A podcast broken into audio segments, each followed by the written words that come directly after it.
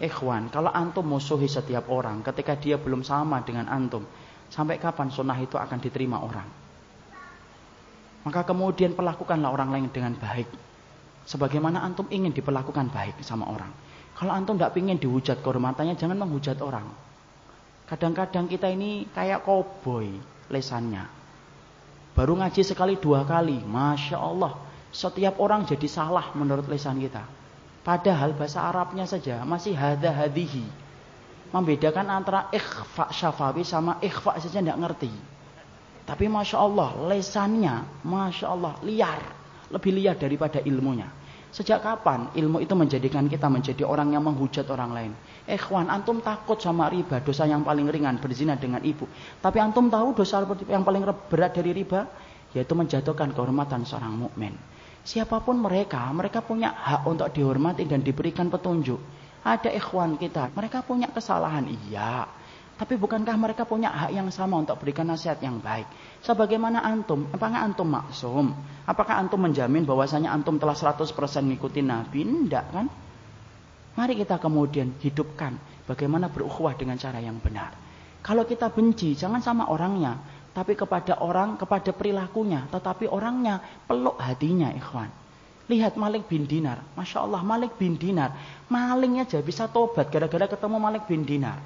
Maling masuk, Malik bin Dinar lagi sholat. Ada maling, Malik bin Dinar mempercepat sholat malamnya. Coba, kalau antum, uh langsung ngambil palu.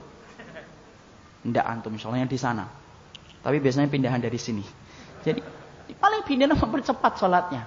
Kemudian ketika maling itu nyari di rumahnya Malik bin Dinar, tidak ketemu barang berharga. Rumahnya ulama, salafus soleh. Tidak ketemu barang apa-apa. Mau keluar lewat jendela, dipanggil Malik bin Dinar. Eh, sini. Dapat apa? Loh coba, antum baca itu kisahnya nyata ikhwan. Antum tidak akan percaya itu bagaimana akhlaknya para salafus saleh. Sini. Mau nggak aku berikan satu hal yang lebih baik daripada yang kamu rencanakan untuk mencuri? Apa? Ambil itu kemudian semangkok air, wudhu. Malingnya zaman salaf. Ya kemudian disuruh wudhu, ngambil wudhu. Kalau sekarang dibacok antum. kemudian dia wudhu. Dia ambilkan air untuk wudhu, wudhu. Kemudian dia berkata, sholat. Sholat malingnya. Nikmat dia sholat. Tuh kan, lebih baik daripada apa yang kamu hendak ambil. Iya. Boleh sholat lagi, boleh sholat lagi. Sampai kemudian 11 rakaat selesai. Di rumahnya Malik bin Dinar. Selesai kisahnya enggak. Malik bin Dinar lagi sahur, puasa sunnah. Ditanya sama malingnya, ngapain? Puasa untuk besok. Boleh enggak saya ikut bergabung? Ayo monggo. Maka kemudian makan sahur. Puasa. Maling habis sholat malam puasa. Setelah itu adzan subuh. Kemudian pergi Mau ke mana? Sholat ke masjid. Ya sudah saya ikut. Ikut sama Malik bin Dinar. Masya Allah. Sampai ikut ke Malik bin Dinar. Sampai pulang. Kemudian ngomong. Boleh nggak saya? Itu kemudian tinggal di sini beberapa hari. Boleh. Karena nikmatnya saya tinggal di sini. Masya Allah ikhwan. Itu loh. Orang yang paham akhlak. Nggak usah banyak ngomong. Hatinya nembus ke hati orang lain. Berapa banyak orang yang berilmu. Alah. Menjadikan kita benci banyak orang akhirnya. Masya Allah, apa ada ilmu yang menjadikan kita benci sama orang yang beriman? Tidak ada. Kemudian dia tinggal bersama Malik bin Dinar tiga hari. Setelah itu dia keluar dari rumahnya Malik bin Dinar. Setelah keluar, kemudian teman ketemu dengan maling. Yang maling satu, belum taubat. Dapat apa kamu sampai tiga hari di rumahnya Malik bin Dinar?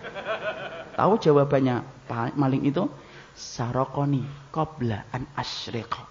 Dia telah mencuri hatiku sebelum aku mencuri hartanya. Masya Allah. Bisa puitis setelah itu ikhwan. Coba ikhwan. Akhlak salaf itu kayak gitu loh. Coba kita lihat Hasan al-Basri. Rumahnya tertetesi dengan kotoran rumahnya. Rumah tetangganya. Yahudi. 11 tahun ikhwan. Setelah itu kemudian dia ketika dalam keadaan sakit dikunjungin oleh tetangganya Yahudi. Lalu kemudian tetangganya Yahudi berkata, loh ini apa ini? Air. Kok bau? Iya, air kotoran itu. Dari, dari mana? Dari rumahmu. Coba. Lu sudah berapa tahun? 11 tahun. Lu kenapa nggak ngomong? Aku sungkan bicara sama dirimu. Yahudi itu langsung masuk Islam, ikhwan. Lihat lagi Amr bin As. Ketika kemudian secara khilaf beliau ngambil harta seorang Yahudi. Kemudian akhirnya pergi orang tua Yahudi itu ke Madinah. Bertemu dengan siapa? Bertemu dengan Umar bin Khattab yang dia sangka rumahnya lebih mewah daripada rumahnya Amr bin As. Tapi apalah daya justru dia mendapati Umar bin Khattab itu tidur di bawah pohon. Dia cerita unek-unek Amr bin As ngambil tanah saya untuk dibangun istana. Perhatikan Umar bin Khattab ngambil tulang.